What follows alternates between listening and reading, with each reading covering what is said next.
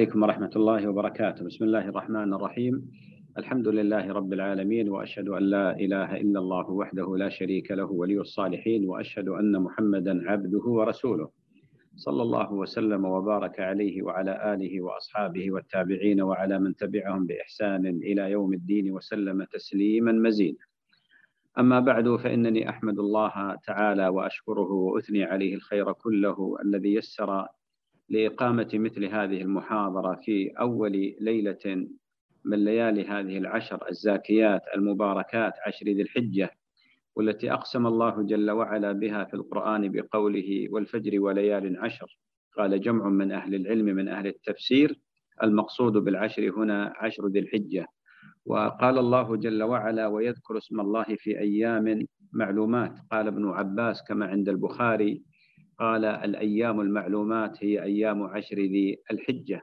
النبي صلى الله عليه وآله وسلم بين فضل هذه الأيام الزاكيات المباركات آه، في أحاديث عدة وأشهرها الحديث المتداول على ألسنة الخطباء وعلى ألسنة طلاب العلم ومعروف لدى الصغير والكبير وهو قول النبي صلى الله عليه وآله وسلم ما من أيام العمل الصالح فيها أحب إلى الله من هذه الأيام العشر يعني عشر ذي الحجة. قالوا ولا الجهاد في سبيل الله يا رسول الله؟ قال ولا الجهاد في سبيل الله إلا رجل خرج بماله ونفسه ولم يرجع من ذلك بشيء.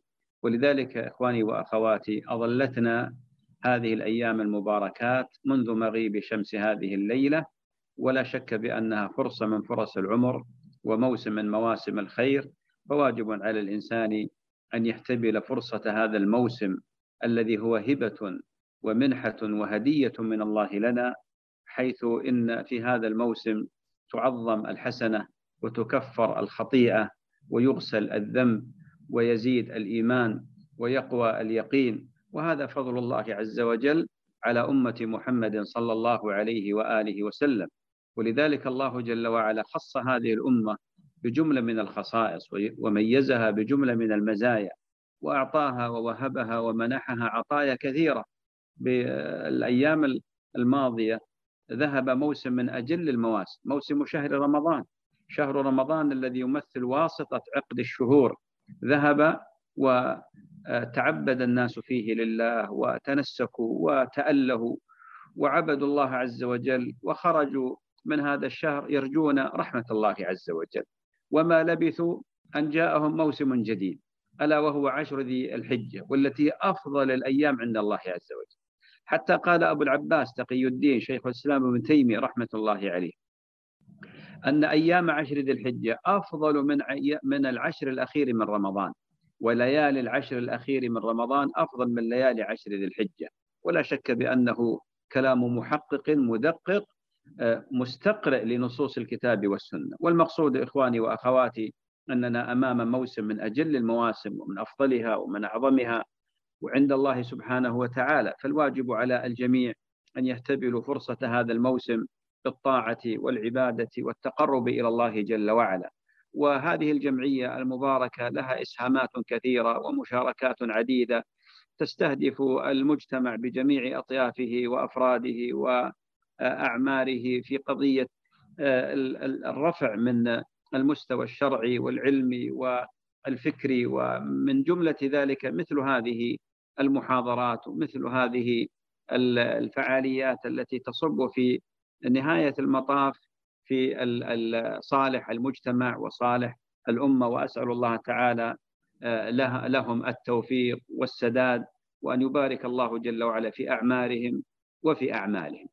ما يخصني في هذا البرنامج هو الأحكام العيد والأضحية وهو في الواقع الخطاب فيه أو المستهدف فيه الأسرة. ولا شك بأن مثل هذا النوع من الطرح آه، يشير إلى أهمية الاعتناء بالأسرة تعليما وتفقيها. وذلك أن أغلب الأسر إنما آه، ورثوا العبادة وراثة. ولذلك تجد الناس ألفوا هذه العبادات حتى أصبحت أمورهم أشبه بالعادة. يعني مثلا زكاة الفطر الأضحية العيد شيء من هذا القبيل. فنشأ الأولاد تنشئة على أن هذه الأشياء هي مجرد يعني عادات أخذوها من آبائهم ومن أمهاتهم. والواقع بأننا بأمس الحاجة أن, أن, أن نذكر مثل هذه الأحكام لهذه الأسر حتى يكون هناك يعني استيعاب لمثل هذه الأحكام الشرعية وحتى يكون هناك أيضا استحضار للنية في التقرب إلى الله سبحانه وتعالى وأيضا معرفة الحكم معرفة المقاصد معرفة المرامي التي تريدها الشريعة من وراء هذه العبادات وهذه الطاعة. ولذلك موضوعي يتحدث عن عيد الأضحى المبارك وعن أيضا أحكام الأضحية. إخواني وأخواتي النبي عليه الصلاة والسلام حينما هاجر إلى المدينة وجد الأوس والخزرج يلعبون في يومين. فقال يعني سألهم قالوا يومان نلعب فيهما. فقال إن الله أبدلكما بعيد الفطر وبعيد الأضحى. ولذلك أعياد الإسلام هي عيد الفطر المبارك وعيد الأضحى المبارك. وإذا تأملنا في هذين العيدين نجد بأنهما يأتيان بعد ركنين من أركان الإسلام. فعيد الفطر يأتي بعد صيام شهر رمضان وعيد الأضحى يأتي بعد حج بيت الله الحرام أو في أثناء حج بيت الله الحرام. يعني في في في هذه في هذا الموسم العظيم. وهذا يدلنا على ماذا؟ يدلنا على أن هذه الشريعة شريعة عظيمة. شريعة تدعو المسلم إلى أن يفرح بنعمة الله عز وجل عليه حينما حينما يمن عليه بالطاعة والعبادة. ولذلك النبي عليه الصلاة والسلام قال آه، للصائم فرحتان يفرحهما فرحة عند فطره وفرحة عند لقاء ربه. النبي عليه الصلاة والسلام بين بأن هذا العيد عيد فيه شيء من الفرح شيء من السرور شيء من التوسعة أيضا حتى يعلم الغير بأننا ولله الحمد في ديننا فسحة ولسنا منغلقين على ذواتنا ولا متقوقعين على أنفسنا. وإنما لدينا لهو مباح ولدينا مساحة نتحرك فيها نعلن فيها الفرح لله عز وجل بما من وتفضل وأعطى وأهدى جل وعلا وتقدس. الإنسان بعد عيد الفطر المبارك يخرج بإذن الله من ذنوبه وخطاياه كيوم ولدته أمه. الحجاج آه، في الحج يرجعون من ذنوبهم وخطاياهم كيوم ولدتهم أمهاتهم. متى ما إن أخلصوا النية وأصلحوا الطوية وأدوا العمل بشروطه الصحيحة وانتفت الموانع التي تبطل هذه الأعمال. هذا فضل الله قل بفضل الله وبرحمته فبذلك فليفرحوا هو خير مما يجمعون. ولذلك عيد الأضحى المبارك إخواني وأخواتي عيد من أعياد الإسلام. يشتمل على جملة من المسائل والأحكام. عيد يمثل شعيرة من شعائر الملة. يمثل يوم فرح وسرور آه، يفرح به أهل الإسلام. ولذلك عيد الأضحى المبارك هو أحد العيدين اللذين شرعهما النبي صلى الله عليه وآله وسلم.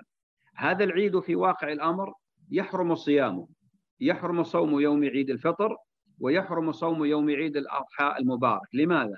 لأنها أيام أكل وأيام شرب وأيام إعلان الفرح. لله الفرح بنعمة الله سبحانه وتعالى. وكذلك عيد الأضحى المبارك. لا يجوز أيضا لأهل الإسلام أن يصوموا أيام التشريق الثلاثة وهي يوم الحادي عشر والثاني عشر والثالث عشر من ذي الحجة. لماذا؟ لأنها أيام أكل وشرب وذكر لله عز وجل. بربكم آه، ألا يتأمل كل مسلم في هذه المعاني والمقاصد التي تظهر عظمة هذا الدين وعلى سماحة هذه الشريعة وعلى أنها شريعة كما أنها جاءت بالدعوة إلى الآخرة جاءت أيضا بتحقيق مقاصد الذات فيما يتعلق بأمور الدنيا فهي تجمع بين متطلبات الروح ومتطلبات الجسد. سعي إلى الآخرة مع إعمار الدنيا فلله الحمد أولا وآخرا وظاهرا وباطنا. ولذلك لو أن شخصا أراد أن يصوم يوم عيد الفطر أو أيام عيد الأضحى مع أيام التشريق قلنا له بأن هذا محرم ولا يجوز. لماذا؟ لأن النبي صلى الله عليه وآله وسلم نهى عن ذلك. نهى عن ذلك. لا يجوز نذر صيام يوم العيد ولا يجوز قضاء أيام رمضان في أيام العيد ولا يجوز التطوع لله عز وجل بصيام يوم العيد. هذا كله من الأمور المحرمة. التي يجب على الناس أن تستقر في عقائدهم وأن تستقر في نفوسهم. الأمر الآخر إخواني وأخواتي ما يتعلق بصلاة العيد صلاة عيد الأضحى. صلاة عيد الأضحى مثل صلاة عيد الفطر سواء بسواء مثلا بمثل. لا تختلف إلا أن هناك بعض السنن التي يختلف آه، عيد الأضحى عن عيد الفطر. عيد الفطر من السنة قبل الذهاب إلى صلاة العيد أن يعلن أهل الإسلام الفطر وذلك بأن يأكلوا تمرات يقطعوهن على وتر اقتداء بسنة النبي صلى الله عليه وآله وسلم. وأما عيد الأضحى فالسنة أن لا يأكل الإنسان إلا بعد أن يعود من صلاة العيد وأن يأكل من أضحيته. وهذه سنة الحبيب صلى الله عليه وآله وسلم. كذلك من السنة في صلاة عيد الفطر التأخير قليلا حتى يتمكن الناس من إخراج زكاة الفطر.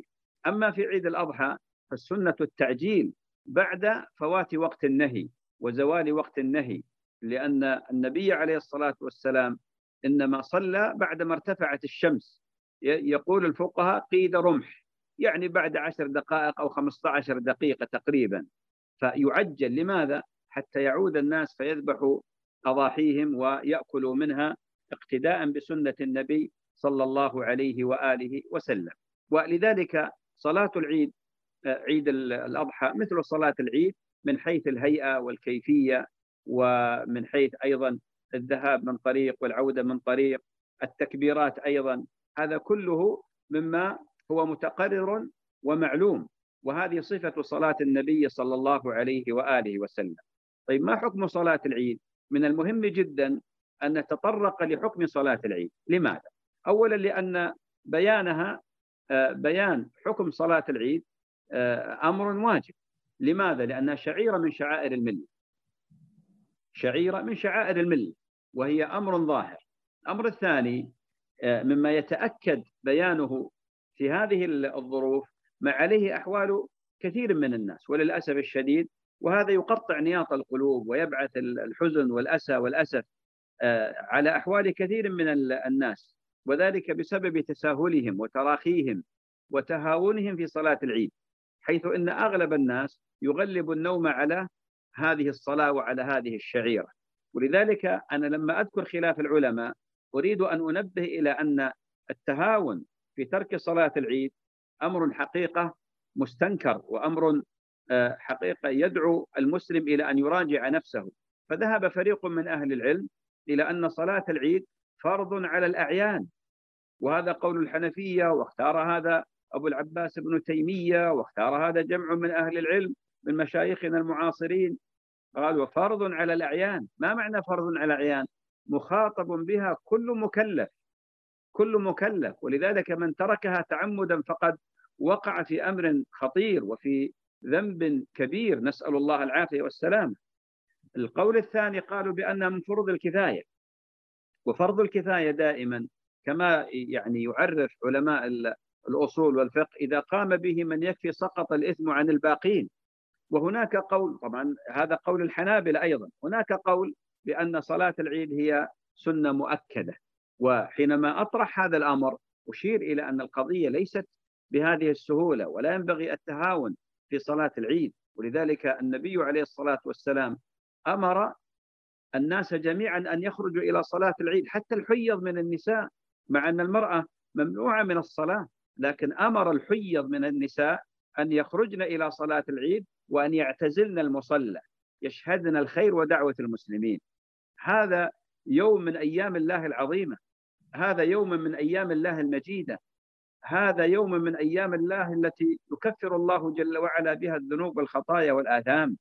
حتى المخدرات من النساء الصغيرات اللائي يعني غلب عليهن الحياء وأصبحن لا يخرجن يعني في بداية البلوغ أو قبل البلوغ أمر أن أن أن يخرجن إلى صلاة العيد. في في في ظاهرة يشهد الناس يشهد جميع الناس كيف أهل الإسلام يقومون بهذه الشعيرة العظيمة ولذلك ينبغي على كل مسلم أن يهتم وينبغي على رب كل أسرة أن لا يتهاون في هذا الأمر. وجميل نشاهد حقيقة الناس في صلاة العيد كيف أن رب الأسرة يأتي بأولاده بزوجته وبأولاده وبالذكور والإناث وحتى الخدم يصطحبونهم إلى صلاة العيد. وحتى يحيوا هذه الشعيرة العظيمة ولذلك صلاة العيد إخواني وأخواتي شعيرة من شعائر الإسلام يخرج الناس إليها. الأمر الآخر بالنسبة للاغتسال لصلاة العيد لم يثبت عن النبي عليه الصلاة والسلام شيء يفيد هذا لكن ثبت عن ابن عمر وهذا له حكم الرفع إلى النبي عليه الصلاة والسلام. وابن عمر آه، الصحابي الجليل كان من أشد الناس التصاقا بهدي النبي عليه الصلاة والسلام واتباعا لسنته. ولذلك كان يغتسل لصلاة العيد رضي الله عنه.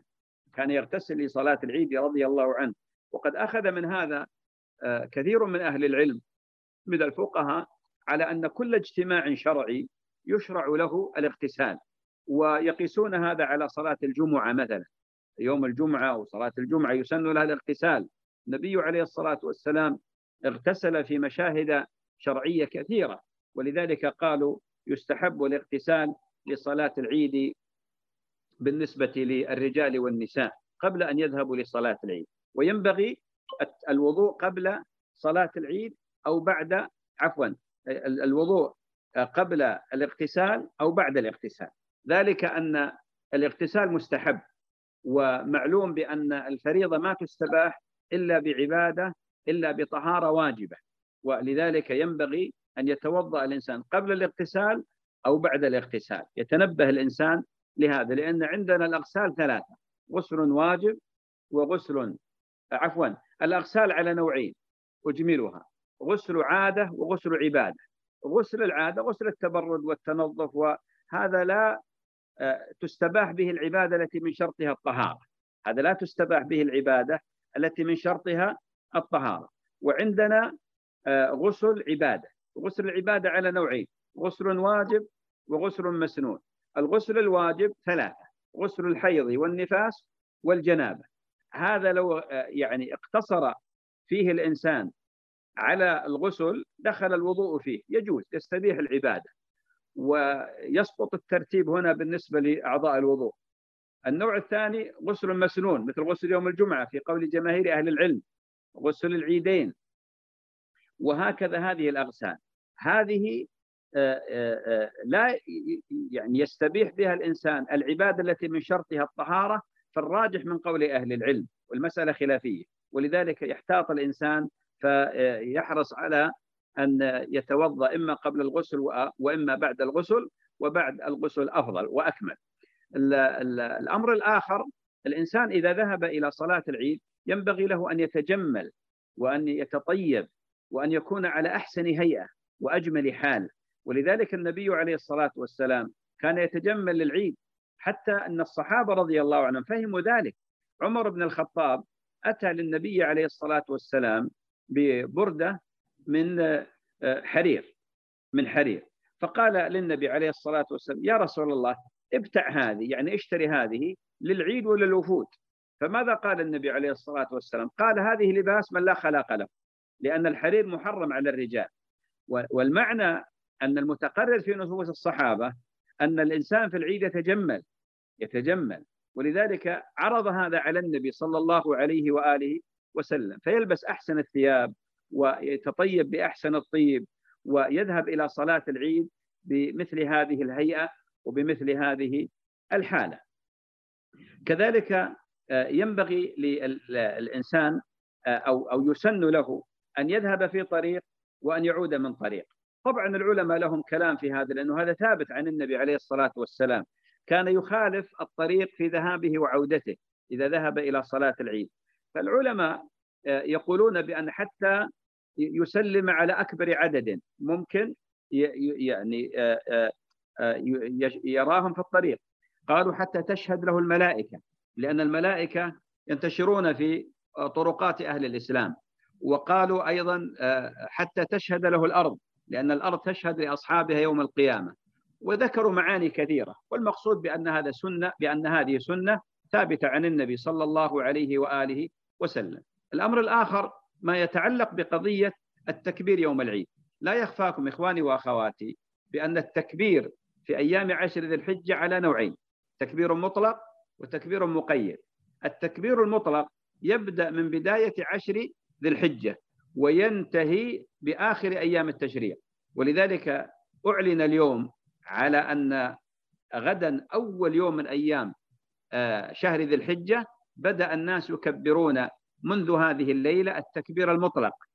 والتكبير المقيد يبدأ من فجر يوم عرفة وينتهي بآخر أيام التشريع.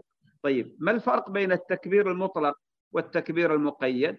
أن التكبير المقيد يكون عقيب الصلوات المفروضات من فجر يوم عرفة إلى آخر أيام التشريع وأما التكبير المطلق فيكون في جميع الأوقات يعني من بداية العشر ولا يكبر بعد الصلوات المفروضات من بداية العشر لأن هذا مخالف لهدي أصحاب النبي صلى الله عليه وسلم الذين رووا هذا كابن مسعود وابن عمر وأبو هريرة وأبي هريرة وغيرهم من أصحاب النبي صلى الله عليه وآله وسلم. وصفة التكبير الله أكبر الله أكبر لا إله إلا الله الله أكبر الله أكبر ولله الحمد.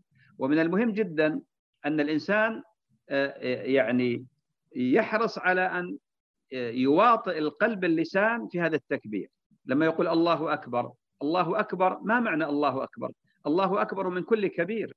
الله أكبر هو العظيم سبحانه وتعالى. الله أكبر الله أكبر لا إله إلا الله لا معبود بحق إلا الله سبحانه وتعالى المستحق للعبادة وحده لا شريك له. ذلك بأن الله هو الحق وأن ما يدعون من دونه هو الباطل. ولذلك مهم جدا لما الإنسان يكبر آه، يشعر بفرق بين التكبير الذي آه، هو مجرد اضطراب هذه ال ال ال هذا اللسان في جوف في آه، يعني بين الحنك وبين شخص يكبر ويستوعب معنى هذا التكبير فيواطئ القلب اللسان يجد فرق بين تكبيره المجرد الجامد اليابس وبين تكبيره الذي يحمل مثل هذه المعاني العظيمة. ولذلك إخواني وأخواتي يكبر الناس ويظهرون هذا حتى إن ثبت عن الصحابة الكرام رضي الله عنهم أنهم كانوا يرفعون أصواتهم لدرجة أن من في المسجد يسمع من في السوق يسمع تكبير من في السوق.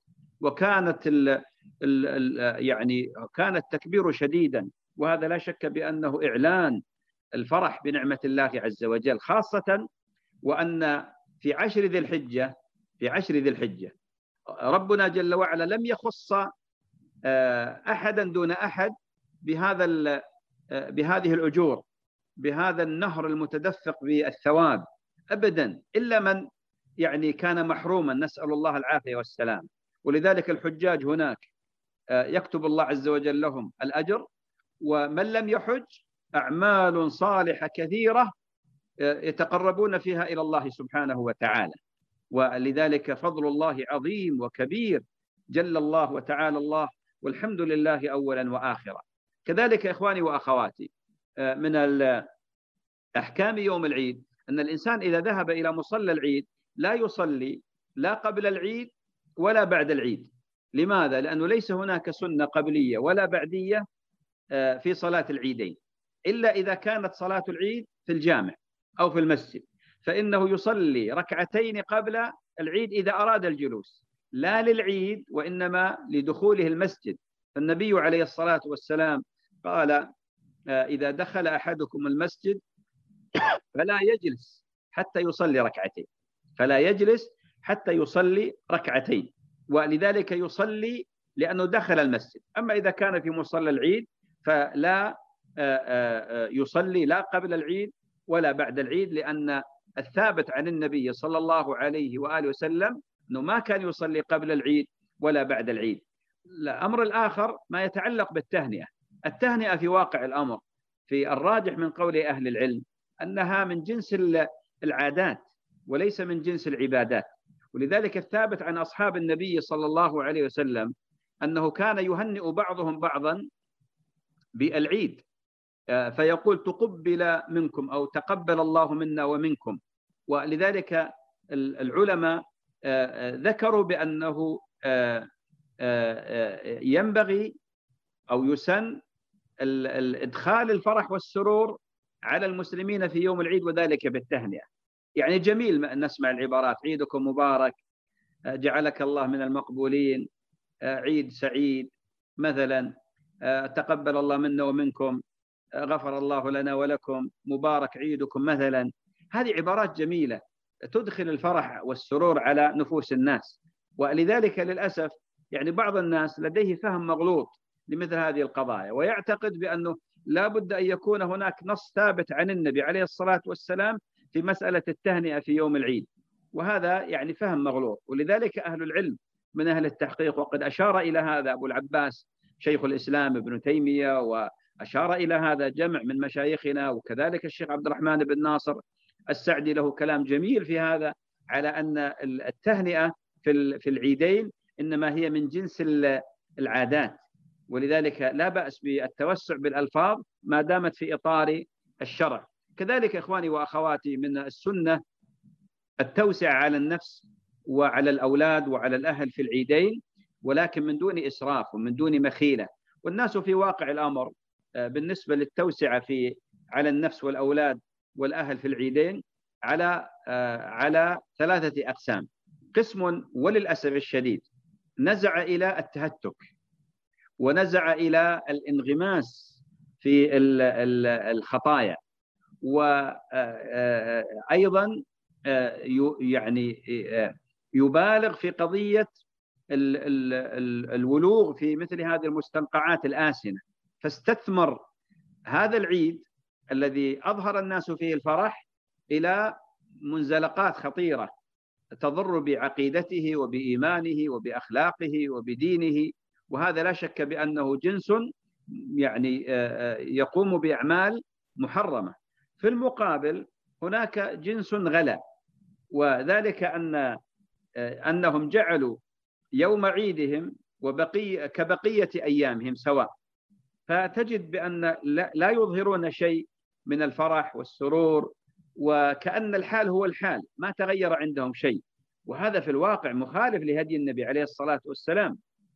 والنبي عليه الصلاة والسلام لما كان في بيته وكانت هناك جاريتان من جوار الأنصار يضربن بالدف آه، ويقولن في بأشعار فيه آه، أشعار ما بين الأوس والخزرج من بعض الأشعار الجميلة. والنبي عليه الصلاة والسلام قد آه، يعني آه، قد وجه وجهه إلى جهة الجدار مضطجعا صلى الله عليه وسلم. فدخل أبو بكر الصديق إلى بيت النبي عليه الصلاة والسلام في بيت عائشة وشاهد هذا الأمر جاريتان يغنيان يعني ينشدان ومعهما الدف فغضب وقال أمزمورة الشيطان في بيت رسول الله؟ فالتفت إليه النبي عليه الصلاة والسلام وقال دعهما يا أبا بكر فإن لكل قوم عيدا. وقال لتعلم يهود أن في ديننا فسحة. وهذا يدل على ماذا؟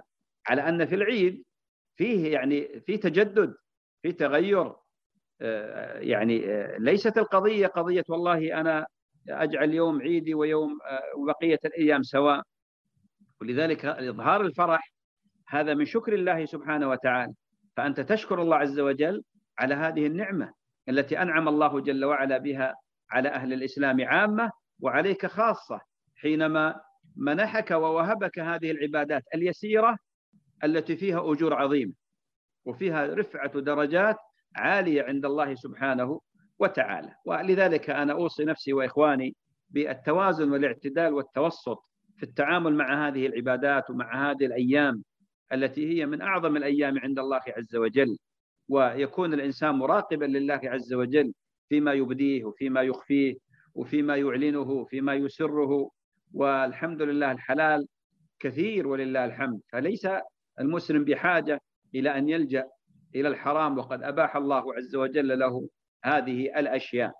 أيضا من السنة إخواني وأخواتي أن الإنسان إذا رجع من صلاة العيد وذبح أضحيته أكل من أضحيته.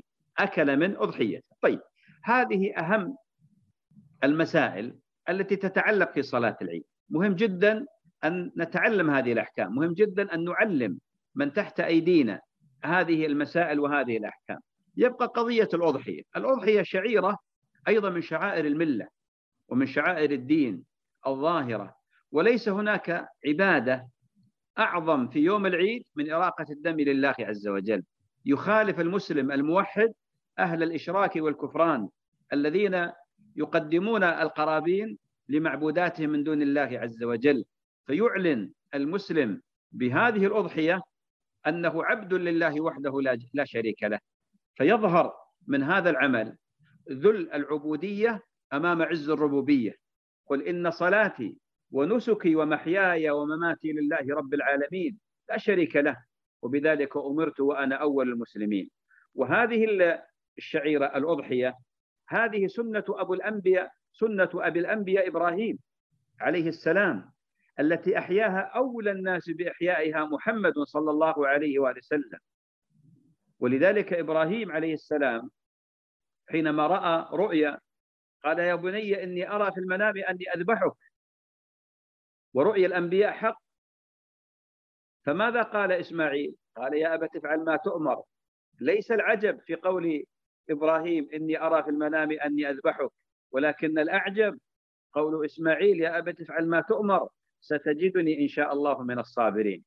ولما عقد عزمه ولما آه، أتى وانتضى سكينه بيمينه ووضعها على عنق ابنه ليقربه إلى الله بأمر الله وعلم الله تعالى صدق نية إبراهيم وعزيمته التي ليس فيها تردد فداه الله عز وجل بذبح عظيم. ونودي إبراهيم وهو بالكرامة والسلامة يحيى أي يا إبراهيم قد صدقت الرؤيا إنا كذلك نجزي المحسنين. فجاء بنظر فإذا كبش حوله.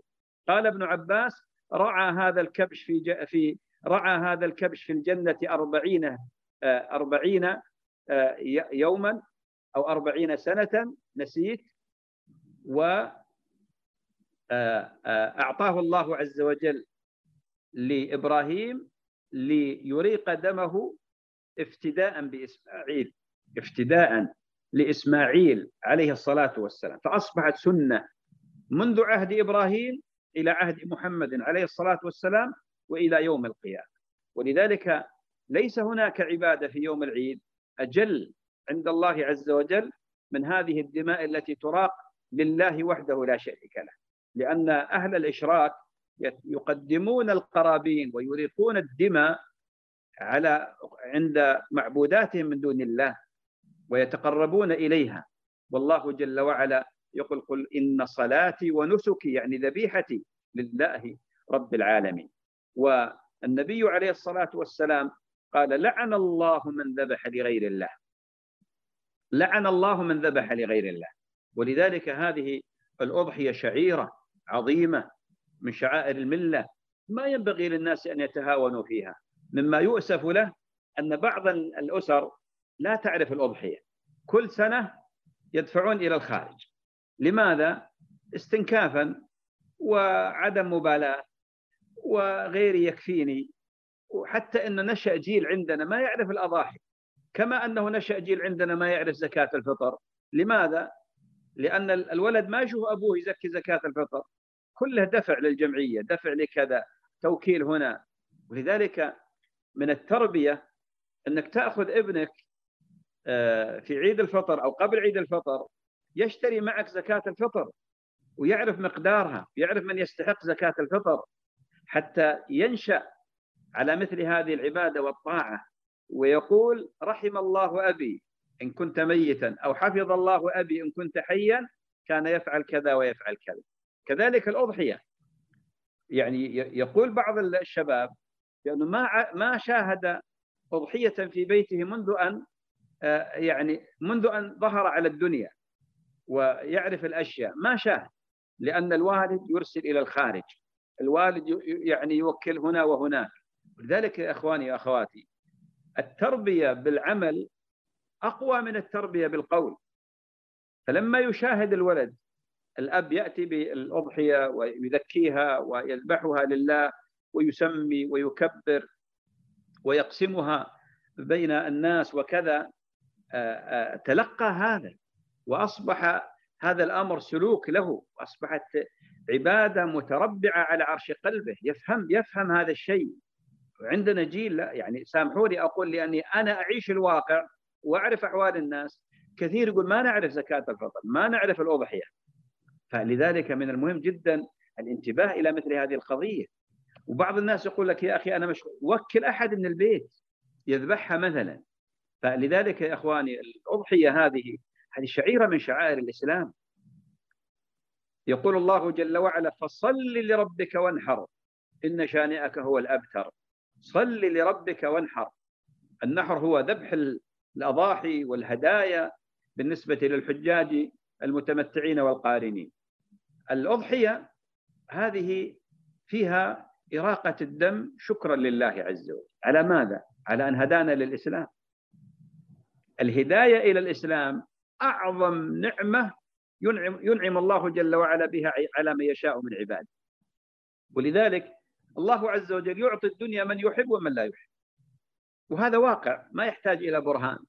الناس يشتركون جميع الناس يشتركون في الدنيا. وقد يكون غير المسلمين أكثر حظا بالدنيا. أما الدين فلا يعطيه إلا إلا من يحب. جاء في الحديث الذي لا بأس بإسناده. إن الله يعطي الدنيا من يحب ومن لا يحب. أما الدين فلا يعطيه إلا إلا من يحب. فأنت تشكر الله الذي هداك للإسلام. وفقك لهذا الدين العظيم. ورضيت لكم الإسلام دينا. إن الدين عند الله الإسلام. وترى غيرك يعني ظل الطريق ويعبد غير الله سبحانه وتعالى. يقول جل وعلا فمن يرد الله أن يهديه يشرح صدره للإسلام ومن يرد أن يضل يجعل صدره ضيقا حرجا كأنما يصعد في السماء. أمر آخر أن في هذه الأضحية تحدث بنعمة الله عز وجل. وأما بنعمة ربك فحدث. أي نعمة؟ كل نعم الله عز وجل علينا. نعمة الإسلام نعمة الإيمان نعمة الأمن في الأوطان نعمة الصحة في الأبدان نعمة العافية نعمة الصحة نعمة الاستقرار نعم كثيرة. أنت تشكر الله عز وجل على نعمه الكثيرة. كذلك فيها توسعة على الأهل. في هذا اليوم يأكلون اللحم ويطبخون وينوعون. كذلك فيها صلة الأرحام من خلال هدية وال وال وال وال وال والأصحاب والأحباب. تصلهم. كذلك فيها أيضا صدقة على الفقراء والمساكين. أنت تتصدق بهذا على الفقراء والمساكين. فيها صلة رحم فيها أشياء كثيرة تتعاهد حتى أصدقائك ربما يغيبون عنك فترة من الزمن. يعني فترة من الزمن بينك وبينهم فترة زمنية ما التقيتم فلما ترسل إليهم هدية من لحم الأضحية أنت الآن أعدت يعني هذه الحرارة حرارة الصحبة والصداقة من جديد فيها فوائد وحكم ومقاصد عظيمة جدا ذكرها أهل العلم. والأضحية إخواني وأخواتي أيضا شعيرة من شعائر الإسلام وشعائر الملة. ولذلك جاءت فيها أحكام كثيرة جدا أنا أجملها بالتالي حتى أستمع بعد ذلك إلى مداخلاتكم وإلى أسئلتكم. الأضحية لها شروط. الشرط الأول أن تكون خالصة لله عز وجل. وهذه هذا الشرط شرط صحة لكل عبادة. أن يكون قصدك من الأضحية هو الإخلاص لله مرضاة الله عز وجل استجابة لله المتابعة للنبي عليه الصلاة والسلام. الثاني الشرط الثاني أن تكون من جنس بهيمة الأنعام. وهي ثمانية أزواج. الضأن والمعز الضأن الذكر والأنثى والمعز الذكر والأنثى والبقر الذكر والأنثى والإبل الذكر والأنثى. ثمانية أزواج. ولذلك بهيمة الأنعام هي جنس البقر هي جنس الإبل والبقر والغنم. لو جاء شخص وقال والله أنا أريد أن أضحي بظبي أو بغزال قيمة الغزال خمسة آلاف. مثلا وقيمة الشاة 1500 نقول ما يصلح؟ ولا يصح. لماذا؟ لأنك خالفت شرط الشارع وهو أن تكون من جنس بهيمة الأنعام. واضح؟ الشرط الثالث أن تكون قد بلغت السن المعتبر شرعا. ولذلك لا بد أن تكون الإبل قد أكملت خمس سنوات ودخلت في السادس. البقر أكملت سنتين وطعنت في الثالث. بالنسبة للغنم آه، الضأن الغنم الضأن يعني يضحى بالجذع من الضأن وما تم له ستة أشهر ودخل في السابعة أما المعز فيضحى الثني ما تم له سنة وطعن في السنة الثانية. هذه مسائل مهمة جدا. يعني ليست المسألة كيفما اتفق وآتي بهكذا وأذبح لا. وإنما لا بد من هذا الشرط. هذا الشرط الثالث. الشرط الرابع أن تكون خالية من العيوب. لأن النبي عليه الصلاة والسلام كما في حديث البراء بن البراء بن عازب لما قام على المنبر قال أربع لا تجزئ من الأضاحي. وأشار بأصابعه الشريفة صلى الله عليه وسلم. حتى قال البراء وهو يحدث وأصابعي أو يدي تقصر عن يد رسول الله صلى الله عليه وسلم. العوراء البين عورها. العرجاء البين ضلعها المريض البين مرضها. العجفاء التي لا تنقل هذه الأربعة هذه عيوب أربعة لا تجزي في الأضاحي. فما كان مثلها أو أعلى منها من باب أولى. ما كان أعلى منها. العوراء البين عورها العوراء التي فقدت إحدى عينيها إذا العمياء من باب أولى. العرجاء البين ضلعها مقطوعة اليد أو الرجل من باب أولى. المريض البين مرضها مثل المبشومة. المصابة بمرض عضال أو خطير أو كذا من باب أولى. العجفاء التي لا تنقل التي لا مخ في ساقها لأن يصيبها الهزال. غيرها أيضا ما كان أشد من باب أولى وهذا مهم جدا. أما مسألة ليس لها قرن أو مثلا مقطوعة مشقوقة الأذن أو يعني فيها بعض الأشياء هذه لا تضر. هذه لا تضر. وإن كرهها بعض الفقهاء كرهوها لكن هذه لا تضر. لو ضحى بها لا بأس. بالنسبة للشرط الأخير أن تكون في الوقت الشرعي أن تذبح في الوقت الشرعي. طيب ما هو بداية وقت ذبح الأضاحي؟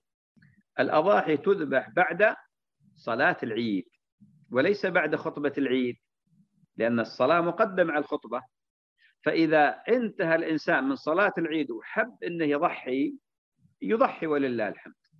والأفضل بل السنة طبعا السنة أن يستمع إلى خطبة ال ال ال الإمام أن يستمع إلى خطبة الإمام.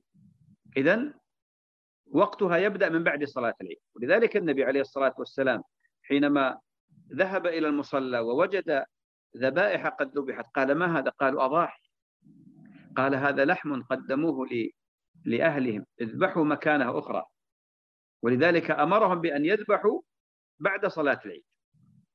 وهذا من الأدلة التي آه، قال بها من ذهب إلى الوجوب أن الأضاحي واجبة لأن النبي عليه الصلاة والسلام أمرهم بأن يعيدوها ويعيدوها بعد الصلاة. وهذا مال قالوا هذا يدل على الوجوب. هذا طبعا قول من يذهب إلى الوجوب. هذا هو الوقت. طيب هل لها وقت انتهاء؟ الجواب نعم. تنتهي في آخر أيام التشريق يعني يعني أيام الذبح ذبح الأضاحي أربعة أيام. يوم العيد وثلاث أيام التشريق. فإذا غربت شمس آخر يوم من أيام التشريق انتهى وقت الذبح. والذبح يكون في الليل وفي النهار. يذبح الرجل وتذبح المرأة. كل هذا مشروع ولله الحمد. طيب لحم الأضاحي ماذا أفعل به؟ لا بد أن أقرر ضابطا في هذه المسألة وهي أن المقصود الأسمى من الأضحية إراقة الدم لله عز وجل. هذا هو الأصل. أنك تريق الدم لله عز وجل. تخالف بذلك أهل الإشراك وتحيي بذلك سنة آه، أبو الأنبياء وخاتم الأنبياء. صلوات ربي وسلامه عليه. بعد ذلك بالنسبة للحم آه، العلماء لهم كلام طويل. فمن أهل العلم من قال يعني يقسمه ثلاثة أثلاث ثلث له ولأهله ثلث هدية وصلة وثلث صدق من أهل العلم من قال يقسمه قسمين نصف له ونصف يتصدق به والأمر في هذا واسع. ولا ينبغي لإنسان أن يحجر واسعا. فلو أكل الإنسان أضحيته جاز. لو صدق تصدق بها كلها جاز. لو قسمها قسمين أو جعلها ثلاث أثلاث الأمر في هذا واسع ولله الحمد والمنة. ولا يجوز أن يعطى الجزار أجرته من الأضحية. حتى تبقى خالصة لله عز وجل. ليس فيها شيء من حظوظ الدنيا. يعطى أجرته من خارج الأضحية. وإذا أحببت أن تتصدق عليه بصدقة لا تساومه على الأجرة. تقول سأعطيك من ثمن الأضحية وتخفف لي من من قيمة الجزارة. لا. وإنما تعطيه من باب التصدق ومن باب الهدية هذه الأضحية إخواني وأخواتي شعيرة من شعائر الإسلام. وأيضا من أحكام هذه الأضحية الأكل منها هذه سنة النبي عليه الصلاة والسلام كما حصل معه في الهدي لما طبخ له جمع في قدر من مجموع ما ذبح وأكل منه صلى الله عليه وآله وسلم. أيضا آه، من المهم في مسائل الأضحية بارك الله فيكم أن آه، يعلم الإنسان آه، بأن هذه الأضحية هي شعير وما ينبغي التساهل بها. وأن الإنسان العاجز عن الأضحية لا يكلف نفسه ما لا تطيق لأن من الناس من هو متعلق بذبح الأضاحي وربما ما وجد في هذه السنة مبلغا فيذهب ويقترض ويتعب نفسه وكذا. ما كلفك الله بهذا. يقول جل وعلا لا يكلف الله نفسا إلا وسعها.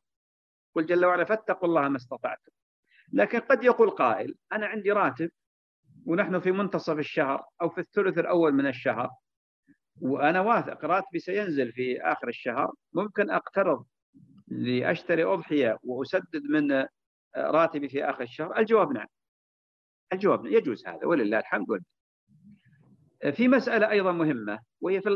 للأسف الشديد مسيطرة على عقول كثير من الناس وهي قضية أن الأضحية لمن؟ أغلب الناس.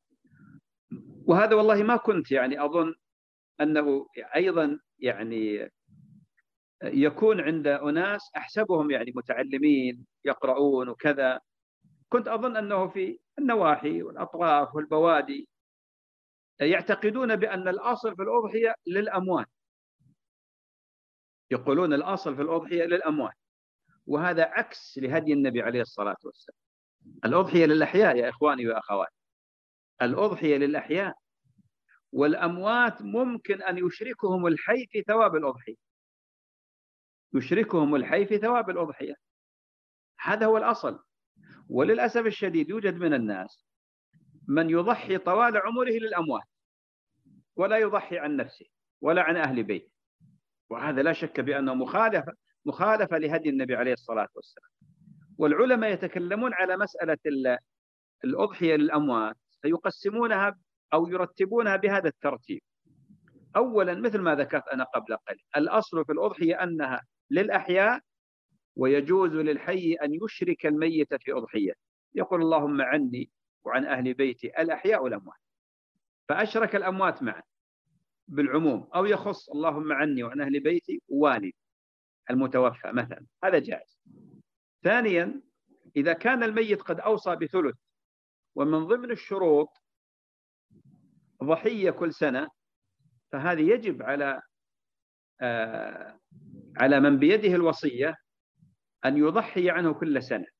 وهي ليست أضحية في الواقع. وإن سماها الناس أضحية تجوزا إلا أنها صدقة. لأن أحكام الأضحية للأحياء وليست للأموات. فهي صدقة. ويتجوزون يقولون أضحية. واضح؟ طيب. المرتبة الثالثة لو جاء شخص وقال والله أنا حاب أنني أذبح عن أبي الميت. أضحية. هل تمنعونني؟ نقول له لا ما نمنعك. لكن ذبحت عن نفسك وعن أهل بيتك الأحياء؟ قال نعم. تفضل اذبح عن والدك بعد ذلك. لأن هذه صدقة ليست أضحية.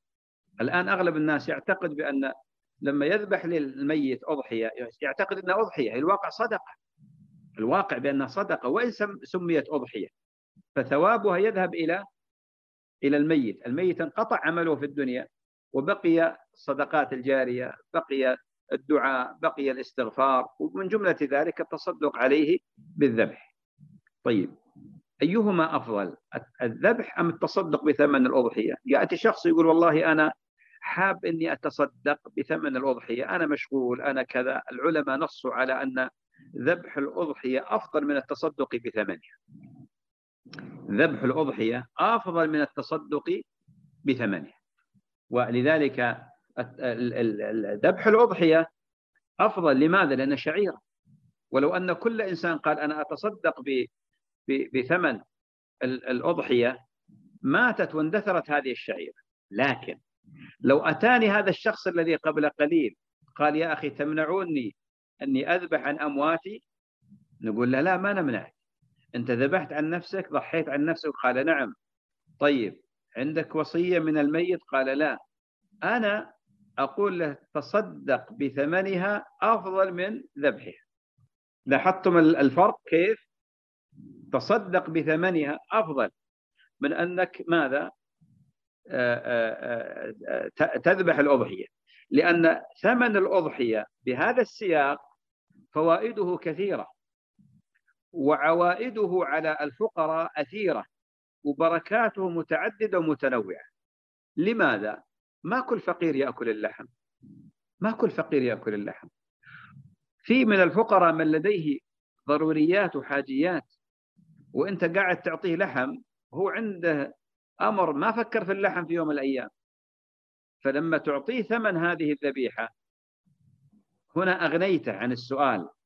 هنا سددت ثغرة عظيمة يتعرض لها أمور ضرورية أمور حاجية. سلمت في هذه الحالة. في هذه الحالة كنت يعني سليما ولله الحمد والمنة. وأيضا أديت شيئا عظيما. أخواني وأخواتي يعني هذه تقريبا تطواف عجلة وسريعة آه، وجولة حول يعني أحكام العيد وأحكام الأضحية. أسأل الله تعالى أن أكون قد أصبت فيما قلت وإن كان من زلل أو خطأ فمن نفسي ومن الشيطان. وأترك المجال الآن للمداخلات وللأسئلة آه، إن سمح الإخوة القائمين على هذا البرنامج المبارك وصلى الله وسلم وبارك على عبده ونبيه محمد. صلى الله عليه وسلم. جزاكم الله خير شيخنا. نسأل الله أن ينفع بكم وينفعنا جميعا بما سمعنا. آمين. آه يا رب العالمين. آه هنا شيخنا سؤال. آه يقول السائل آه هل يجوز الاشتراك في مبلغ الأضحية الضأن بين الأخوة الذين يسكنون في بيت واحد؟ آه، بالنسبة للأضاحي من حيث الاشتراك عندنا الاشتراك على نوعين. اشتراك في الثمن واشتراك في الثواب. أما الاشتراك في الثواب فنعم سواء كانت إبلا أو بقرا أو غنما فيشترك الجميع في الثواب فيجوز للشخص أن يذبح شاة واحدة يشرك الأحياء والأموات. أما الاشتراك في الثمن فلا يجوز إلا في الإبل والبقر. وأما الغنم ففي الراجح من قول أهل العلم أنه لا يجوز في الغنم. لا يجوز. أما في الإبل والبقر فالنبي عليه الصلاة والسلام جعل آه، الاشتراك في الإبل إلى سبعة وفي البقر كذلك إلى سبعة. أما الغنم فلا. لكن بعض الناس يقول يعني عندي والدي آه، حاب أني أنا أشترك أنا وإياه في أضحية. أقول له قدم مبلغا ماليا لوالدك من باب الهبة من باب الهدية من باب التحبب هو يشتري. فإذا ملك المبلغ اشترى أضحية وأشرككم في ثوابه. أما تقول والله من عندي نصف ومن عندك نصف لا. يعني بعض الإخوة في البيت يشتركون في ثمن آه، آه، شاة. هذا غلط يا إخواني. الاشتراك في البعير وفي البقرة إلى سبعة. أما الشاة فيشترك فيشرك فيشرك المضحي في ثوابها ولا يشترك في ثمنها.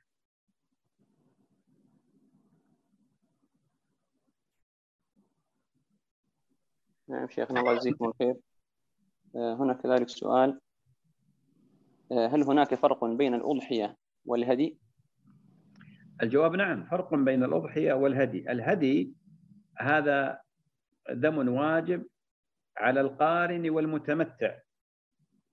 على القارن والمتمتع. فمن ذهب بنسك قران أو تمتع وجب عليه هدي. يذبحه في في مكة هناك. وأما الأضحية فهي على غير آه، الحجاج على غير الحجاج. ولذلك يقول بعض الفقهاء بأن من عنده هدي يكفيه عن الأضحية ما يضحي لأنه يريق دم أيضا هو دم شكران. وبعض العلماء يقول بأن الهدي هو دم شكران وجبران. أما شكران فشكر لله على ما يسر من الحج وجبر لما حصل للمتمتع من التحلل بين نسكين بين نسكين والله تعالى أعلم ولذلك في فرق بين الأضحية وبين الهدي آه، نعم هل سؤال هنا شيخنا هل الافضل ذبح الشاة ذات القرنين كما فعل النبي صلى الله عليه وسلم؟ داخل ماذا؟ هل الأفضل ذبح الشاة ذات القرنين؟ نعم أحسن طبعا بالنسبة للأضاحي إخواني وأخواتي آه، ينبغي استسمانها. استسمانها. فقد جاء عن أصحاب النبي صلى الله عليه وسلم أنهم كانوا يستسمنون الأضاحي.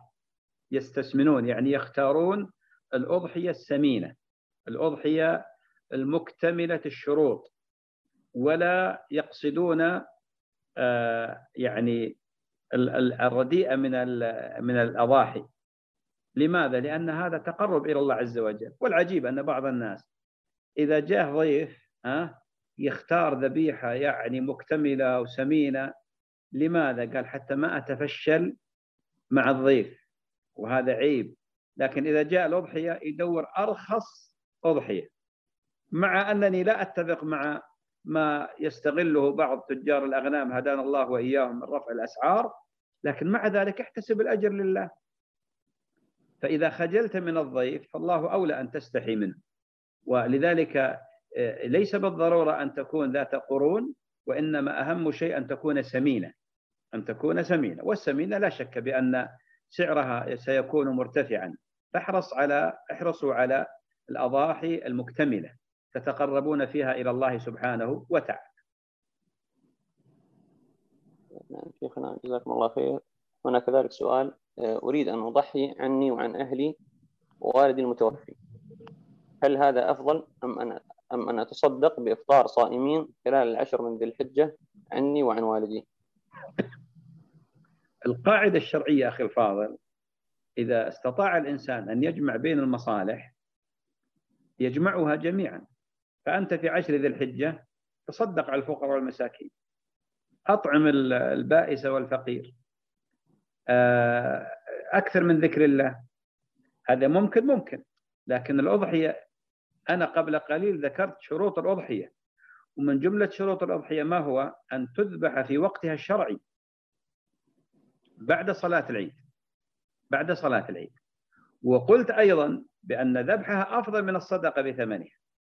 هذا على قول جماهير أهل العلم الذي يذهبون إلى أنها سنة مؤكدة. أما الذين يقولون بالوجوب يقولون لا يجوز التصدق بثمنه وإنما يراق الدم لله عز وجل. فيا أخي الفاضل اجعلوا هذه الشعائر كما هي. لا تغيروها. يعني بعض الناس الآن في زكاة الفطر يقول لك والله يا أخي في حاجة إلى الفقير محتاج إلى المال. طيب كم زكاة فطرك؟ 20 درهم. بربك 20 درهم. وش تسوي للفقير؟ ماذا تعمل الفقير وهو قادر إنه إنه يتصدق ب 50 و100 درهم. لماذا؟ لأنه يشتري يذهب إلى مطعم ولا إلى إلى محل للقهوة ويشتري ممكن هذا ب 80 درهم ما عنده مشكلة. طيب لماذا أقلب العبادة وأغيرها؟ علشان والله مبلغي زهيد أجمع بين المصالح. أجعل الزكاة زكاة الفطر على ما هي عليه طعام وأتصدق. كذلك الأضحية. أجعلها على ما هي عليه. وأتصدق إن استطعت وإن ما استطعت ما أمرك الله ما أوجب الله عليك الصدقة، الصدقة من من الفضائل من النوافل من التطوعات. وأما الأضحية فشعيرة ولذلك اهتم بالأضحية من حيث الشروط اللي ذكرت وأيضا آه، لا تتصدق بثمنها.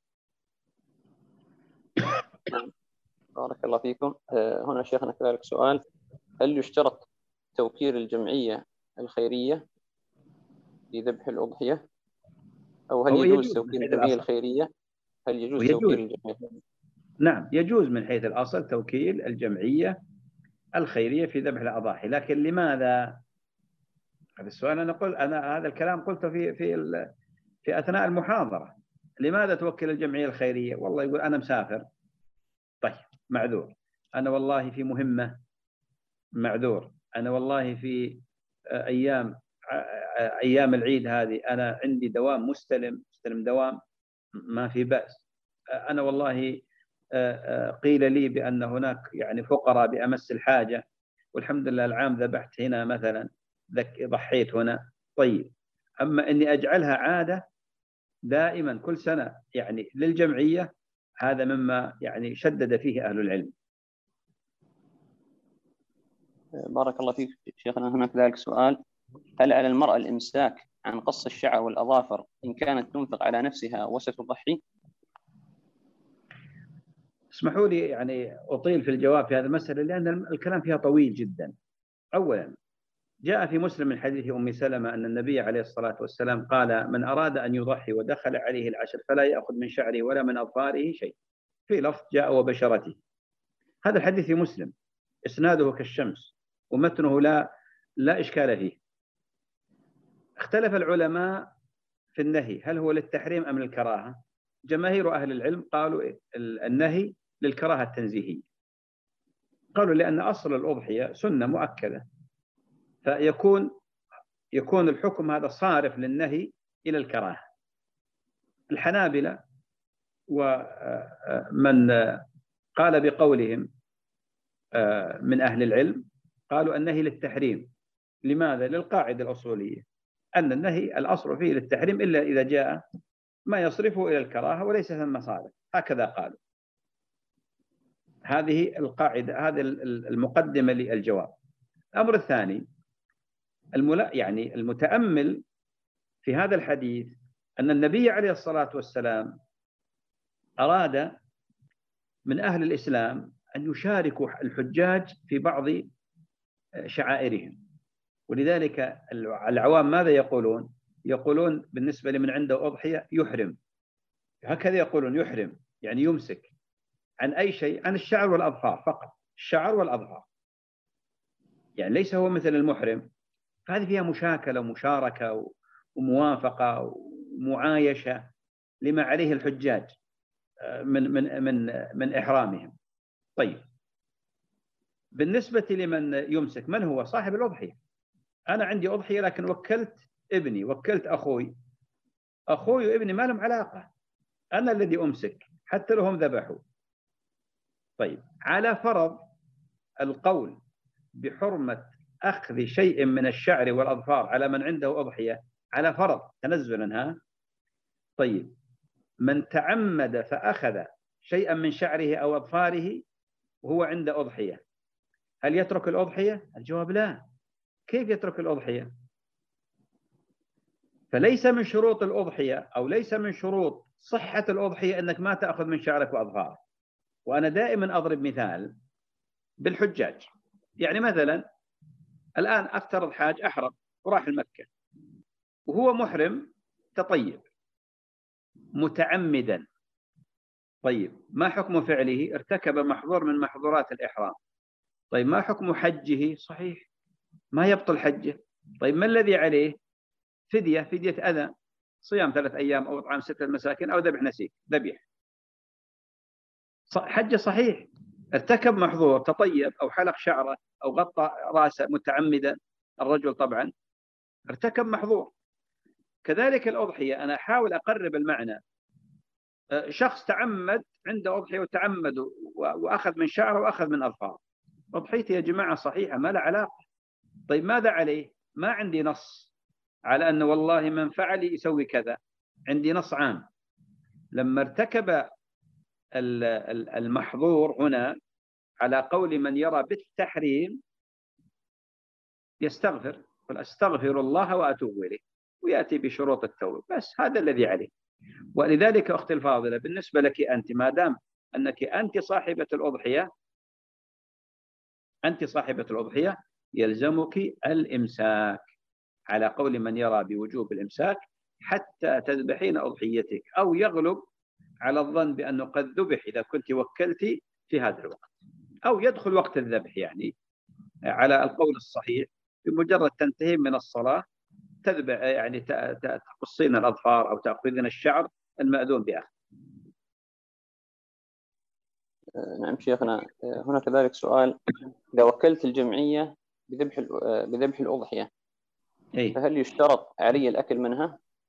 لا ما يشترط يا إخواني يا أخواتي. بالنسبة للأكل من الأضحية مستحب. حضور وشهود الأضحية مستحب. والحديث الوارد فيها قومي إلى أضحيتك فاشهديها ضعيف. فلذلك آه، آه، قول الفقهاء من السنة أن يأكل من السنة أن يشهد هذا ليس على الحتم والوجوب واللزوم. هذه سنة مستحبة. بارك الله فيكم. الله يجزيكم الخير.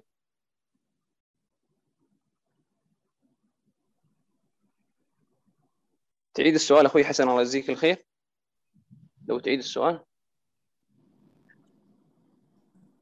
هم اشتروا اشتروا الأضاحي فعلا. اشتروا الأضاحي من البقر وبعد حيه بعد ما اشتراها وعينها ماتت بسبب المرض نعم. هل عليه يشتري أضحية أخرى ولا نعم. نعم. كل عفوا وفي بلاء في البقر اللي هو نعم. الحمى نعم. القلاعيه فبعد نعم. ما اشتراها وعينها ماتت بسبب المرض نعم آه، فيه قاعدة مهمة يعتصم بها آه، الناس في مثل هذه المسألة كل من اشترى أضحية وقد توفرت فيها الشروط الشرعية كاملة ثم تلفت أو حصل فيها ضرر يمنع من التضحية بها والسبب لا منه فإنه لا شيء عليه. مثل ما ذكر الأخ الفاضل اشترى بقرة سليمة وعينها قال هذه أضحيتي. ثم سبحان الله ابتليت بمرض اللي ذكر المرض القلاعي وما استطاع أن يضحي بها لا يجب عليه أن يعيد مكان أخرى إلا أن يشاء. وتقع عنه أضحية بإذن الله. كما نص على ذلك الفقهاء لأن التلف والضرر لم يأتي من جهته وإنما من فعل الله سبحانه وتعالى. أه، محمد. نعم. انقطع الصوت يا أخي الفاضل. أعد السؤال وتتكرم جزاك الله خير شيخ. ذكرتم أنه يكره يكره أو مثلا أو يحرم على المضحي أن يحلق شعره أو أظافره. أي على الخلاف اللي ذكرناه. نعم. متى يبدأ الحساب؟ يعني من غروب الشمس اليوم الأول ولا من طلوع نعم. الفجر؟ نعم. يبدأ من غروب الشمس لأن هذه الليلة هي للغد.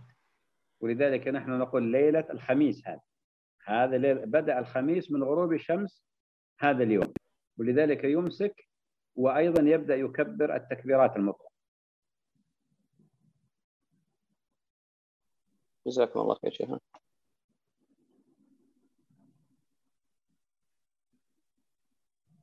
الأخ السلام عليكم شيخنا. وعليكم السلام ورحمة الله وبركاته. بارك الله فيكم جزاكم الله خيرا. حياكم الله.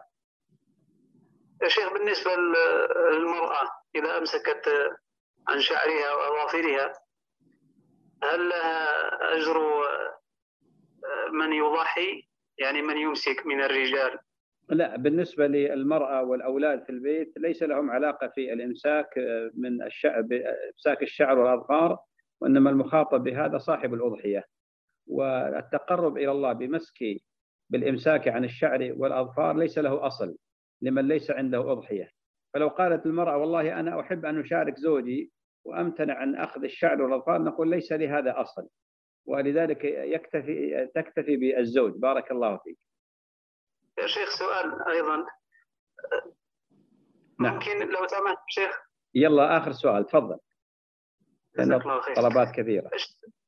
بالنسبة للعقيقة إذا إذا كانت في يوم آه، الأضحى أو أراد من يعق أن يجعلها في يوم الأضحى مع الأضحية ويجمعها في يعني في شاة واحدة هل يجوز له ذلك يا شيخ؟ هذه مسألة خلافية. من أهل العلم من قال بأن العقيقة تجتمع مع الأضحية فهما عبادتان من جنس واحد يتداخلان.